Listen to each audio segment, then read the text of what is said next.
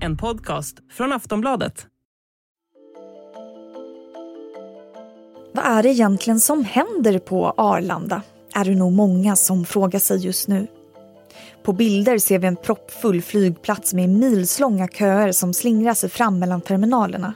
Och flygbolaget SAS har meddelat att de ställer in 4 000 flighter i sommar vilket kan komma att drabba över 100 000 resenärer.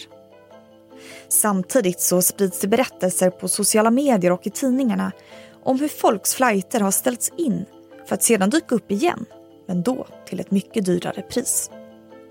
Ja, det är mycket som händer på den oroliga flygfronten. Men vad beror egentligen allt detta kaos på? Varför är köerna så långa just nu? Hur ska man tänka som resenär? Och att SAS ställer in så många flyg, är det ett tecken på att det går dåligt för dem? I dagens Aftonbladet Daily ska vi prata med reseexperten Lottie Knutsson om vad som ligger bakom det stora flygkaoset och vad man kan tänka på om man som så många andra tänkt packa resväskan och bege sig utomlands. Jag heter Vilma Ljunggren. Hej Lottie och välkommen till Aftonbladet Daily. Hej! Det råder ju kaos på Arlanda just nu. Hur skulle du beskriva situationen? Ja, men det är ju väldigt, väldigt långa köer i eh, säkerhetskontrollen. Eh, väldigt långa stundtals över dagen och ganska svåröverskådliga, det vill säga det är svårt att hitta att, att med säkerhet veta vilken tid på dagen som det är mindre illa. Så det är svårt att planera utifrån de här köerna. Och det myndigheterna går ut och säger det är att man ska då vara tre timmar innan avgång på flygplatsen. Men det gör ju att alla förskjuter liksom sin avresa. Så det blir trångt, det blir stökigt, det är också en stor ombyggnation som påverkar inuti Eh, på flygplatsen på det som kallas airside, alltså på insidan. Så det är trångt i korridorer och gångar och ganska stökigt och eh, vissa terminalbyggnader eh, i det som kallades fyran, inrikes, används inte fullt ut vilket gör att det blir mycket trängre i den så kallade utrikesterminalen nummer fem. Så där trycks allting ihop i en ganska stor röra. Och det råder väl även personalbrist på Arlanda. Hur ska de lösa det? Ja, alltså det som har eh, sagts då från de ansvariga det är ju att man inte kommer kunna lösa det här. Orsaken är att man då eh, troligtvis eh, satte igång för sent med planeringen Eh, när eh, resenärerna eh, skulle börja komma igen efter pandemin.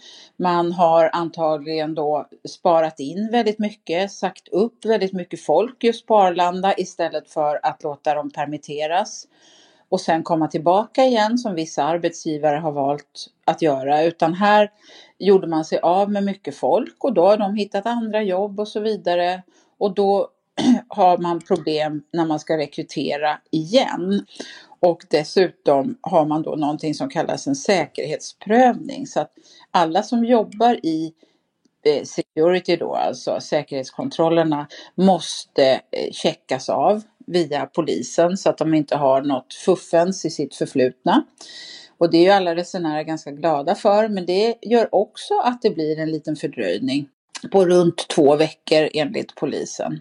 Och ovanpå det här så har väl också SAS ställt in många flyg i sommar. Hur ser det ut?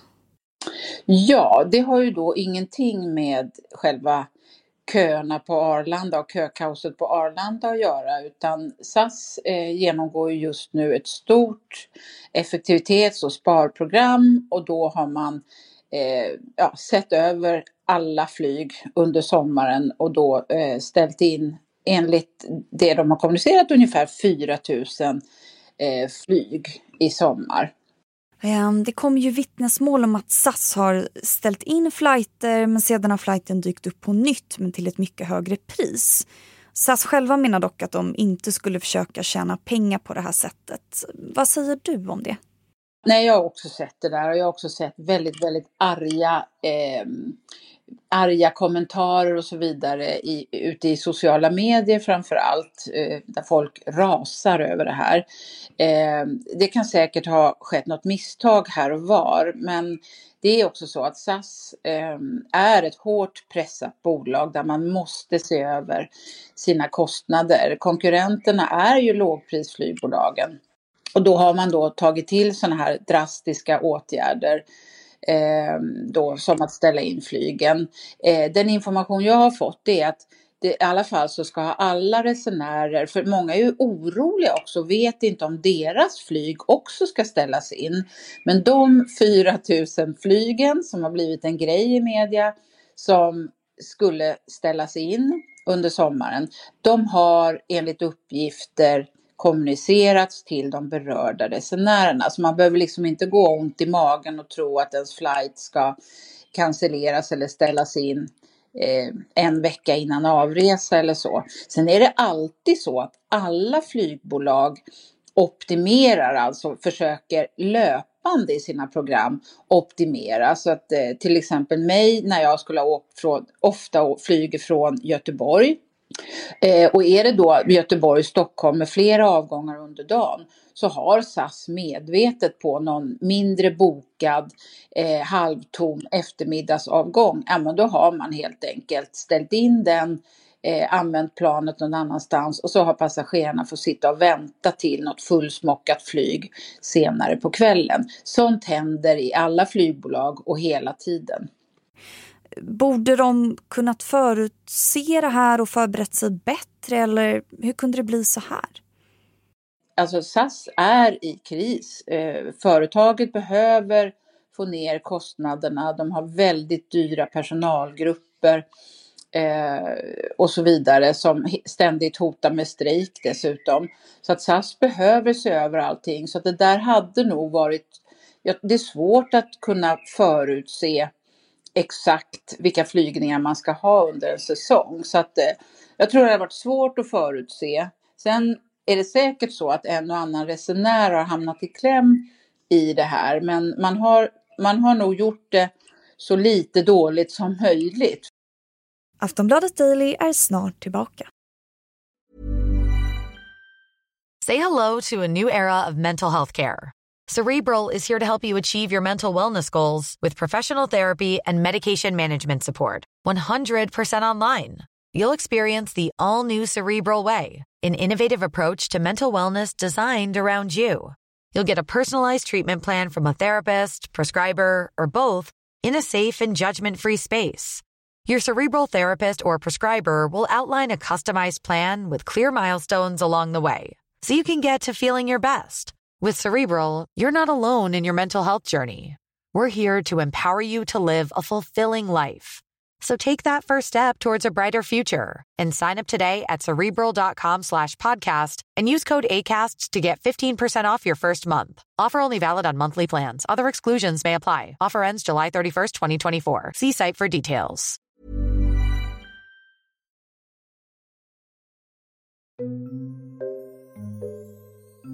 Det är snart juni och därmed dags för många svenskar att ta planet till solsemestern. Men hur ska man då navigera i detta kaos? Finns det någon typ av flygbiljett som är säkrare att köpa än en annan? Är paketresa bättre eller sämre? Vi hör Lottie Knutsson igen om hur man kan tänka som resenär i det här läget. Just nu så är det nog så att den som köper en paketresa Eh, med en etablerad aktör som har skött sig eh, och skött sina åtaganden gentemot konsumenterna under pandemin. Det är viktigt att kolla upp. Eh, men låt säga ett charterbolag då har man ändå lite mer trygghet för att omfattas man av paketreselagen och har ganska bra skydd som konsument. Så att i det fallet så skulle jag nog förorda en paketresa med en, en trygg och pålitlig och stabil aktör. Eh, och så för säkerhets skull eh, betala med kort eh, med helst kreditkort för då får man en försäkring där också. Och dessutom kolla noga hemförsäkringens reseförsäkringsbitar och eventuellt komplettera med en eh, med någon, någon typ av av och ombokningsskydd och eh, en, en sjuk och olycksfallsförsäkring separat. På tal om eh, konsumenträtten där då, finns det inga regler utifrån som kan förhindra sådana här situationer? Nej, eh, det, det, finns det inte utan det enda är ju då, den enda trösten som konsument det är ju att jag får, jag får ju pengarna tillbaka. Eh, men är det då ganska nära avresa så är det en klen tröst. Om jag har köpt en billig, toppenbillig biljett och hållit mig framme för sex månader sedan och sen nu måste jag boka någonting annat. Då har ju det nästan alltid blivit dyrare. Och det är där man som konsument kan känna sig väldigt lurad. Eh, för, för då har jag ju liksom inget val annat än att boka en dyr biljett eller acceptera att bli ombokad för då ska jag ju inte betala extra. Ehm, eh, alltså förstår du, om man inte gör en avbokning får pengarna tillbaka utan om man accepterar att flytta dagar. Eh, nästan alla som flyger med reguljärflyg, de har ju ordnat boendet själva. Och har man gjort det via de här stora bokningssajterna, typ eh, hotels.com, booking.com, Airbnb och sådana, så har de faktiskt under pandemin varit relativt eh, flexibla gentemot eh, användarna och konsumenterna. Så att eh, det, det kan hända att man, man eh, kan ta en, en diskussion med dem och faktiskt inte åka på någon betalning för en hotellnatt man inte kan använda. Och om vi blickar ut från Sverige då, hur ser det ut i andra länder? Kan vi se liknande tendenser där eller är det här unikt för Sverige? Ja, jag vet, det finns ju starka krafter som gärna vill påpeka att det är minsann lika illa överallt. Men det är en sanning med modifikation. Jag har varit ute väldigt mycket och rest väldigt mycket senaste månaden. Och det är helt klart så att den sämst fungerande flygplatsen i Europa just nu, det är nog faktiskt Arlanda. Ehm, eh, och, men sen är det också problem eh, på Heathrow, London så kan det från och till också vara köigt men de har också en helt annan kapacitet så där kan man öppna upp eh, hundra eh, eh, säkerhetsdiskar med rullband ganska snabbt. Så att, eh, men de som har pekats ut som ändå har haft problem det är framförallt då i London och Amsterdam, Schiphol. Men mitt intryck, och jag har rest väldigt mycket senaste månaden, det är att det fungerar sämst eh, i Europa på Arlanda just nu. Det är så illa? Ja. Och låt säga att du som resenär ska ta ett flyg från Arlanda nu i dagarna. Har du några tips på vad man kan göra för att göra det så enkelt som möjligt för sig? Om man ska till Arlanda så måste man följa eh, det här att man måste åka ut i väldigt god tid. Kanske man har tur. Eh, att man förbereder det väldigt väl så att man har eh, inte tar evigheter att ta ut eh, laptop och eventuella flaskor och sånt utan förbered så att man lätt kan gå igenom med sitt handbagage i säkerhetskontrollen, att man checkar in stora väskor och så vidare eh, redan innan. Det, det, brukar vara väldigt smidigt just nu. Eh, och sen om man har råd och har haft framförhållning lite grann så går det ju att betala extra och ha en biljett eh, med fast track, alltså den här smitkön som de flesta affärsmän och kvinnor brukar använda när man flyger med olika businessbiljetter. Eh, det finns också vissa flygbolag där man kan köpa till tjänsten fast track även om man inte flyger med en sån här dyr eh, business eller flexbiljett. Men väldigt många gör så att de till och med övernattar på flygplatsen för att vara säkra på att komma igenom säkerhetskontrollen smidigt. Men det gör ju att det också blir väldigt mycket folk på insidan så det är trångt och stökigt just nu. Och hur tror du att det kommer gå för just SAS framöver? Ja, det är ju en sån här eh, 10 miljoner kronors frågan. De flesta länder vill ha ett eget flygbolag. De behöver ett statligt flygbolag som tar alla de där olönsamma flygningarna eh, norrut till små flygplatser och så vidare. Så att eh, eh, det, det, är vad de flesta länder vill ha, en, en så kallad national carrier.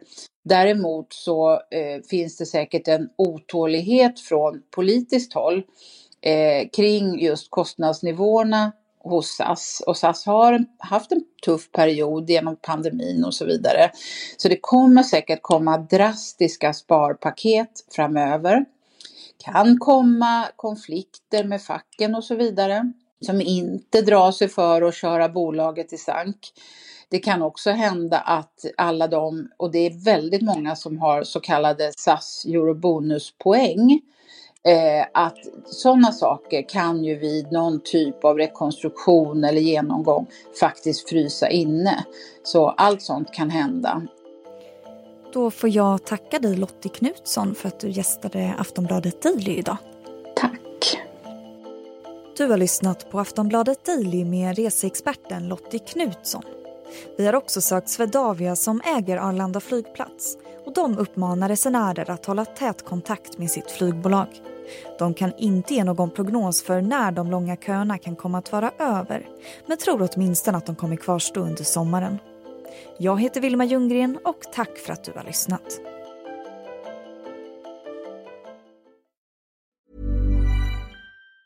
Tired of ads barging into your favorite news podcasts? Good news. Ad-free listening is available on Amazon Music for all the music plus top podcasts included with your Prime membership. Stay up to date on everything newsworthy by downloading the Amazon Music app for free or go to amazon.com slash news ad free. That's amazon.com slash news ad free to catch up on the latest episodes without the ads. Du har lyssnat på en podcast från Aftonbladet. Ansvarig utgivare är Lena K Samuelsson. Tired of ads barging into your favorite news podcasts? Good news. Ad-free listening is available on Amazon Music for all the music plus top podcasts included with your Prime membership. Stay up to date on everything newsworthy by downloading the Amazon Music app for free or go to amazon.com slash news ad free. That's amazon.com slash news ad free to catch up on the latest episodes without the ads.